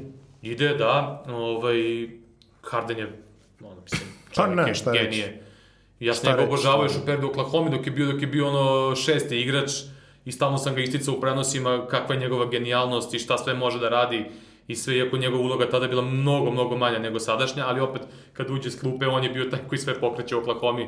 Ovaj, tako da, uh, vidjet ćemo, i Houston ima istorijat raspadanja u važnim utakmicama, gde tu etiketu čak znaju i Hardenu da nalepe, kako će to se gledati. Kari je pokazao sad nakon Durantove povrede uspeo da se izdigne iznad loše forme, iako na toj utakmici šutirao nekih 27% za, za 3 poena, pogodio je dve vrlo bitne. Ovaj, celu seriju se muči, promašuje zicere, polaganja, ono što, što je za njega tipično skroz. Ovaj, jer, zakucavanje. Zakucavanje, ono koje, ajde, ali to ne radi često, pa kao da kažeš. da, da. Međutim, ono što je, što je ekipa Golden State-a po čemu je poznata, mnogi svi ono očnim testom kažu oni su trojkaška ekipa, međutim Golden State je mnogo ubitačniji kada su poeni iz reketa u pitanju i poeni iz obruča, na obruču, e, način na koji izglede te šuteve u stvari, da, da ti ostaneš sam na obruču, to je zapravo jedna od njihovih najvećih snaga. Ovaj, oni su to krenu da promašaju sve te stvari, Kari prvi. Ovaj, tako da a, ja očekujem da on ima neku reakciju, da Clay Thompson, koji je po meni e, najbitniji tu igrač, jer svaki put kad je bilo drama, ekipi Golden State-a pojavio se Clay Thompson. Setimo se serije sa Oklahoma svoje vremeno, uh, nekih, nekih utakmica protiv Clevelanda u, u ovaj, finalima, znači kad god je bilo drama, kako god da je igrao Clay Thompson pre toga, ovaj, on se pojavi i odigra najbolje. Tako da, ja očekujem njih dvojice da tu sada povuku maksimalno. Ne bi mi iznenadao da iščupa Golden State već sledeću, ali vidjet ćemo. Nije, možda, i, možda i realnija sedma utakmica, ali ja nekako idem sa Golden Stateom i dalje interesantna mi je situacija, ono, apropo njih dvojice, ono, Splash Brothers, ovaj, pre jedno, dva, tri meseca kad je ono bilo, što rade one intervjue, ono što je bilo, ne znam, Magic i Isaiah, mm -hmm. Pomirenje, pa Shaq i Kobe i tako dalje, pa su radili intervju, uh, jedni naspram drugih su sedeli Splash Brothers i Bad Boysi, Joe Dumars i Isaiah Thomas i ovamo Steffi Clay. I onda su pričali na tu temu kao komunikacija na samom terenu i onda je Isaiah pričao u svom stilu kako on to priča, onako ko bajku sve sa onim njegovim osmehom, njegov božan slušam. I onda on priča kao sa Joe Dumarsom, kao puna hala, igramo finale, buka, buka, buka, ne, ma ništa ne, čuješ svoje misli, a kaže samo čuješ Joe Dumars na trubu, i kao traži loptu, ks, ks, kao dodaj mi, zna, i ja njega čujem i mu loptu, onda sad kao pričaju na tu temu i, ovaj, i kaže, kao iskustva ono prenose jedni i drugi, ono kako su ovi čuli Jordana, ovi kako čuju Lebrona i tako dalje, uglavnom kad su došli na tu temu i sad kao Steph Curry priča za Claya Thompsona i sad on priča, Clay sedi pored ovako, on polu je zaspao već, ovaj, a Clay priča, a Steph priča kao, uh, svi igrači ono imaju, jel te, ono, neke situacije koje preferiraju, hoće da mu daš pasu, ne znam, na levu ruku, neko hoće na desnu ruku, neko hoće ono naskok iz dva kontakta da mu daš na, kada uhvati taj zakorak, neko hoće na onaj izlazak zadnjim pivotom pa mu traži tu. I kaže, ja kad god sam pitao kao Kleja, kao kako hoće ti bacim loptu, ovo, O, kao, da kako baciš? I, a, a kamera snima Kleja koji pored sedi ovako i polu zaspao. Kaže, baci kako hoćeš, ono, sve ću ja to da pretvorim u koš. Tako da, Eto, da vidimo da će Splash Brothers ponovo da, da nađu onu svoju, kada, pre, iz ere pre Kevina Durenta, sad je pravo vreme za to možda. Um, pominjamo Kevina Durenta, pominjamo Clay Thompsona, pominjali smo i vrelo leto koje nailazi. Neki od zanimljivih, Neki, a, znači, situacija u Golden State-u, e, sve su indikacije da je dinastija pred raspadom. Uh, Kevin Durant, ljudi sad već otvoreno pričao kako je ono već viđen u New Yorku, otprilike kupio je ono stan na Manhattanu, ono, ne znam više dokle je došao.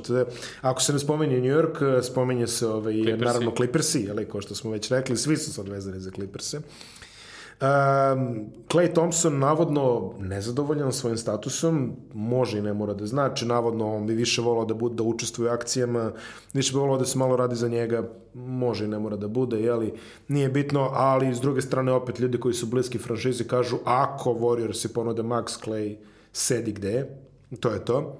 Umeđu, ne bi me čudilo da se obojica grupno presela u Clippers, ovaj, da. jeli mogu da ih plate. E, Durant, e, bit će zanimljivo ako naprave taj potez, za njega je skoro ono gotovo, mislim, gotovo se svi slažu da on neće ostati u Golden State. Ali bit će zanimljivo ako naprave taj potez i u New York, jer ovaj, on je popio dosta kritika na kontu svog odlaska u Golden State, jel?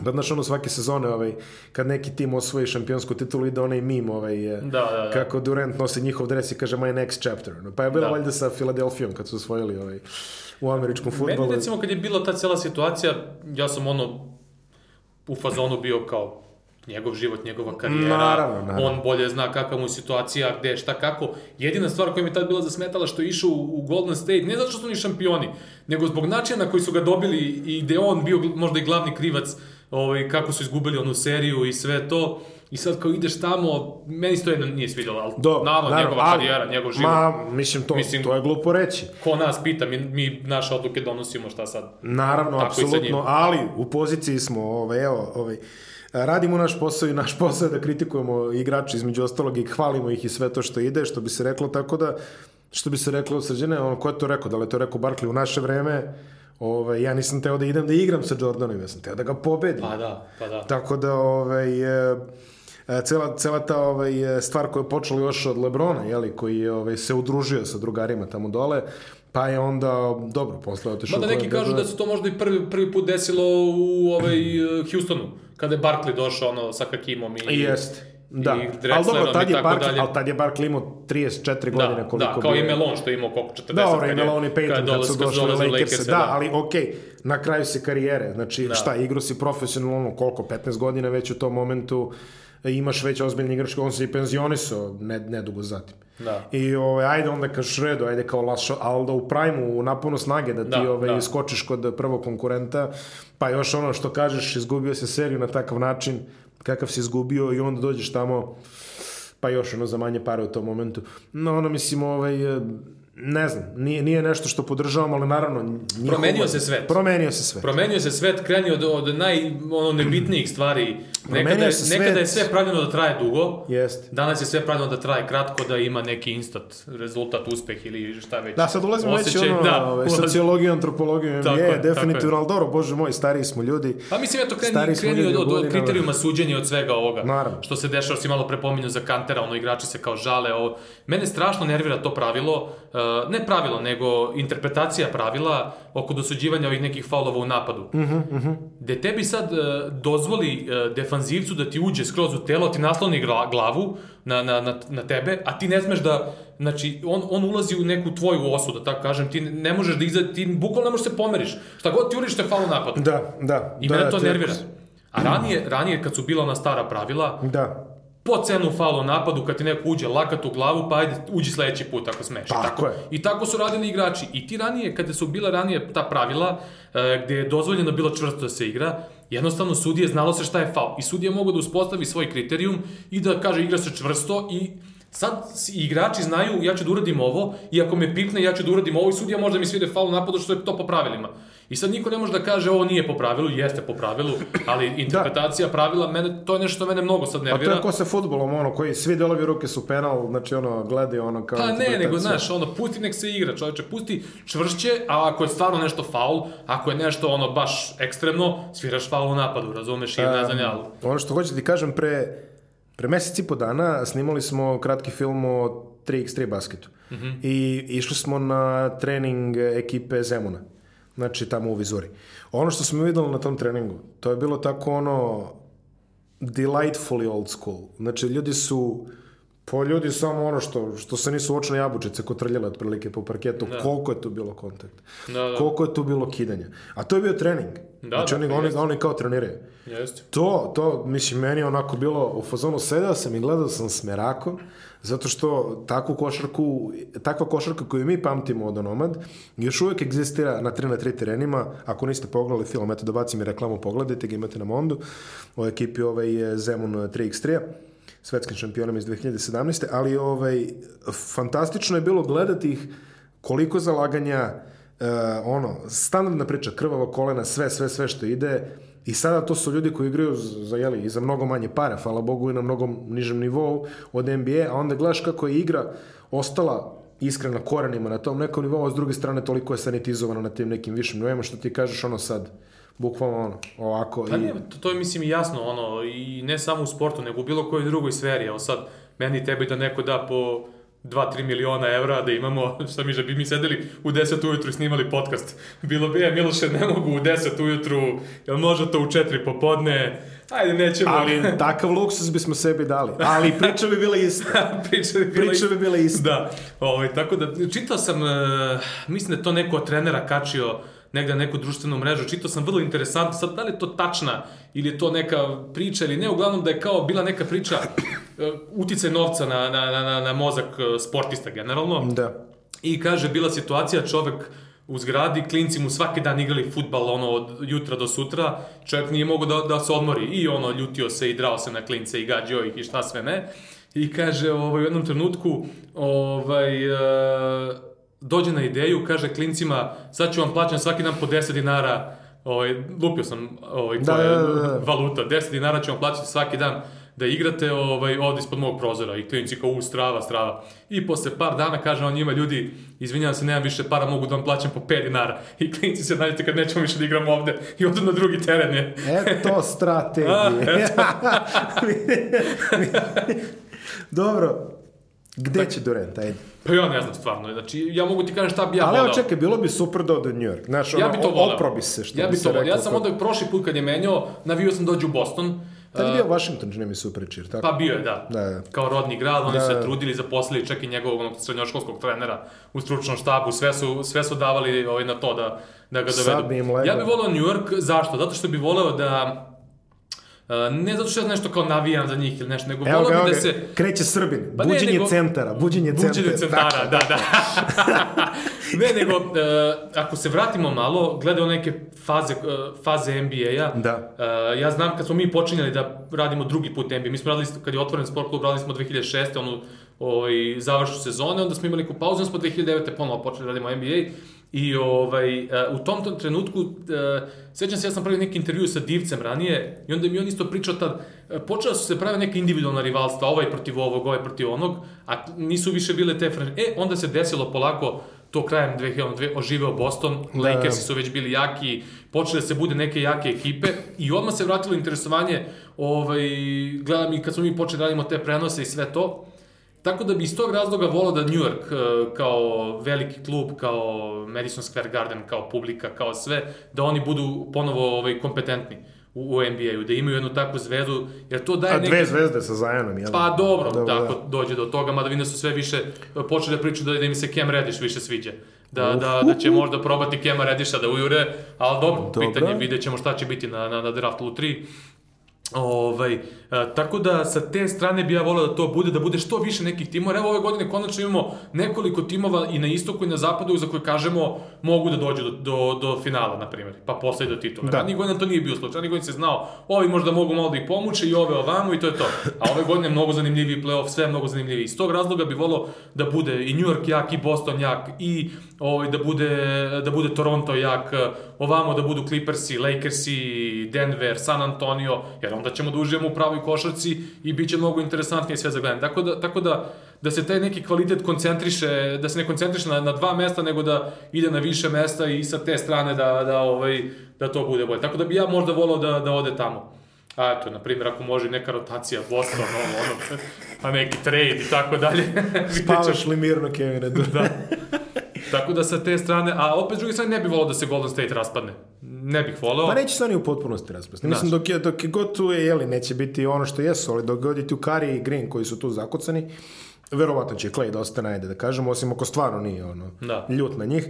Ovaj, definitivno tu imaju ono kao prilika, sad, ono, Moglo bi Dobro. da bude zanimljivo. Moglo, Moglo bi. bi, svako nilaze nove snage na zapadu, Jeste. možda i Oklahoma sad uradi nešto, eto, čisto redno. Pa Dallas sledeće godine sa Porzingisom sledeće i godine, Dončićem Dončić, i... Porzingis, e, ima, ima tu svašta. Mislim, Ima, bi- bit. Sacramento, jeli, koji nilaze, Da. eto ja ga ono, reklamiram sve vreme, ali bože moj, ne, mo- može, može to stvarno svašta da se desi. Svašta da se U svakom slučaju, sređene vreme je za hrabru prognozu finala. Izvoli. Uh, nikad mi teže nije bilo. S jedne strane bi išao s Golden Stateom, a s druge strane pojma nemam. S druge strane, Čekaj, čekaj, a Denver?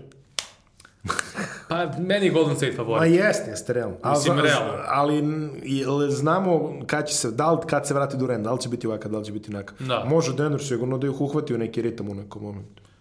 Pa možda i može, ali mislim da je Golden, Teško, teško, Golden teško. State je tim koji je ovih ranijih godina uglavnom imao probleme protiv atletski dominantnih ekipa, kao što je bila Oklahoma, i e, imali su probleme, evo, sa Houstonom u ove dve sezone. Da. možda više zbog nekih faktora, ono, povreda i s jedne i sa druge strane. Ovaj, s druge strane, Houston je taj tip e, ekipe. Houston je, ono, bukvalno to tera u ludnicu u nekim momentima. Ti Da. sve radiš, a oni počnu ti pogađaju neke šutevi i non stop su ti tu. I nikad nisi miran protiv njih. Tako da su zbog toga specifični. Ovaj, I sa te strane, ne znam, ja mislim da Golden State bi trebalo do finala, ako se iščupaju iz ove situacije, da.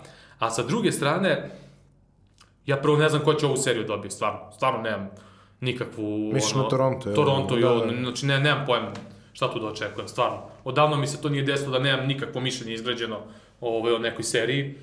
Ovaj, možda bi, kažem, tu malo prednost dao Toronto, ako dođe do, do, tog, do te ovaj, uh, serije Toronto-Milwaukee, mi za to isto moglo da odu sedam utakmica. I opet bi možda dao Toronto malu prednost, ali Hrabro. A, hrabro, hrabro, da. Hrabro. Hrabro. Biće interesantno. Biće interesantno, ovaj istok mi je baš zanimljiv šta će tu sve da se izdešava. Mm, šta znam, možda i Filadelfija dogura. Nije isključeno. Iako meni nisu delovali kao tim koji će ove godine da, da budu bo, bude bolji nego prošle sezone, pa čak i posle trejda mi nisu delovali kao tim koji je u stanju da... A, te, teško, teško je to prognozirati kad imaš četiri igrača i svaki od njih ima 40 poena ako mu je dan. Da. Uh, šta kaže teorija velikih brojeva? Preće jedan da prorodi nego sva četiri da ne rade, jel? Pa, Mislim, tako je. u teoriji. Tako je. jeli? Tako Tako je. da ovaj, ni- nikad ne znaš šta će da se desi tu. Zaista ovaj, mo, možemo vidjeti svašta šta god bilo.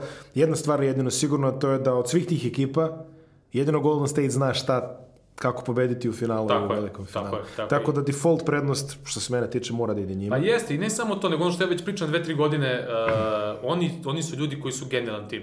Da, Ono, da. Rekao i prošli put, ja njih, kad, kad su sklapali te time, mnogo su mi sviđali. Onda kad su došli na jedan period, kad su počeli malo da preteruju sa nekim, ono, ne znam, ja, tamo, blesavljanjem i ne znam, nešto, malo su mi tu postali, nisu mi, iako sam cenio njihovu igru, ali to mi se malo nije sviđalo i nije mi sviđalo što su im sudije puštali nekim momentima ono šamaranje po rukama i oni ti uzmu loptu, uvedu te u mašinu da te išamaraju, uzmu ti loptu, njima se ne svira ništa, oni tamo rastrče i ubiju te. E, međutim sad, kad se ponovo sve to malo smirilo, kad su ono prošli taj neki ovaj prime tog dela ovaj ponašanja. Sad su mi opet ono sad on ja njih gledam stvarno šta rade u napadu, šta rade u odbrani. To je genijalna košarka, stvarno. Genijalna košarka i oni su oni koji diktiraju tre, trendove, ali su oni koji imaju protiv otrov za te Da. trendove. Znači, sve ono što su oni radili sa preuzimanjima i što drugi kopiraju, oni imaju najbolje leg, leg za ta protivnička preuzimanja. I sada kada nema Durenta, kažem, očekujem da još više imaju tih nekih utrčavanja, igru bez lopte i možda bi to mogli da budu on, oni stari eh, Golden State Warriors, a možda se i raspadnu, mislim, to, to niko ne zna, ali generalno, kažem, oni su tim koji tu najsigurniji da imaš zašto da se uhvatiš, da kažeš oni to rade, oni ovo, oni će ovo, oni su tu u prednosti i ovaj, s te strane zbog toga mislim da, da su favoriti. Naravno, sve to pričamo pod uslovom da su zdravi i tako dalje. Tako da, oni su mi favoriti, a ovaj istok stvarno, znači ono, što ti kažeš, teorija velikih brojeva, ono, i ono čuveno kledoničarsko pravilo 50-50-90, da je 90% šanse kad je 50-50 da će da pogrešiš, tako da ne bi isključio, Aj, ja, nisam čuo. ne bi isključio ni ja ovaj da, kako se zove sad, ja to omašim sve kada je istok u pitanju. A bože moj, da, ma dobro, sad, sad je, mislim sad stvarno što kažeš 50, 50, 90. U svakom slučaju, ovaj, izuzetno interesantan ovaj, finish play-offa nas očekuje, izuzetno interesantno NBA leto nas očekuje, znači off-season. Uh, NBA draft koji je ovako što ono top heavy što bi rekli ovaj, ove sezone Uh, ono što mogu već onda najaviti da ćemo imati specijalne podcaste angažovane oko NBA drafta sa dobro znanim stručnjacima za tu materiju no, ovde kod nas. Dotle, Srđane, hvala ti još jedno što si došao, što smo se Hvala opet ispričali ovako ovaj, na ove... Jesmo oborili neki na- rekord? Nismo, nismo, O. ja sve gledam štopericu, ovo mislim da će sve bude ovaj u redu. Tako da ovaj, nećemo, ovaj, mada opet ljudi, što kažu uvek ima jedan lik koji u komentarima kaže prekratko ti ovo, prekratko ti ovo, evo sad To si meni isto uvek pisali, ali nije u redu Ne baš da verovati, preterujem. pa nije u redu prema ovim ostalima, da, mislim, dva ono sata stvarno. baš malo. Dobro, da ne razlučimo Ma da više. Je stvarno te, tema Jeste. gde ne možeš, ono, kogod da skratiš Ne pa ne sat i po ne možeš. Pa ne možeš, pa se onda pričaš o Denveru, setiš se ona Mislim, ako, Alexa hoće, Englisha, ako ljudi pričaš hoće da pričamo o kruglim loptama i da je sve moguće, onda lako dogovorima- ćemo mi, lako ćemo dogovorima iz 45 minuta. Pa, da, lako ćemo a, i 45 svemu minuta. Tome, da, ali eto, ovaj, o, za sada još uvek ne moramo da, da prijenjamo na to, tako da, ovaj, srđane, hvala ti pa do sledećeg puta. Hvala na pozivu.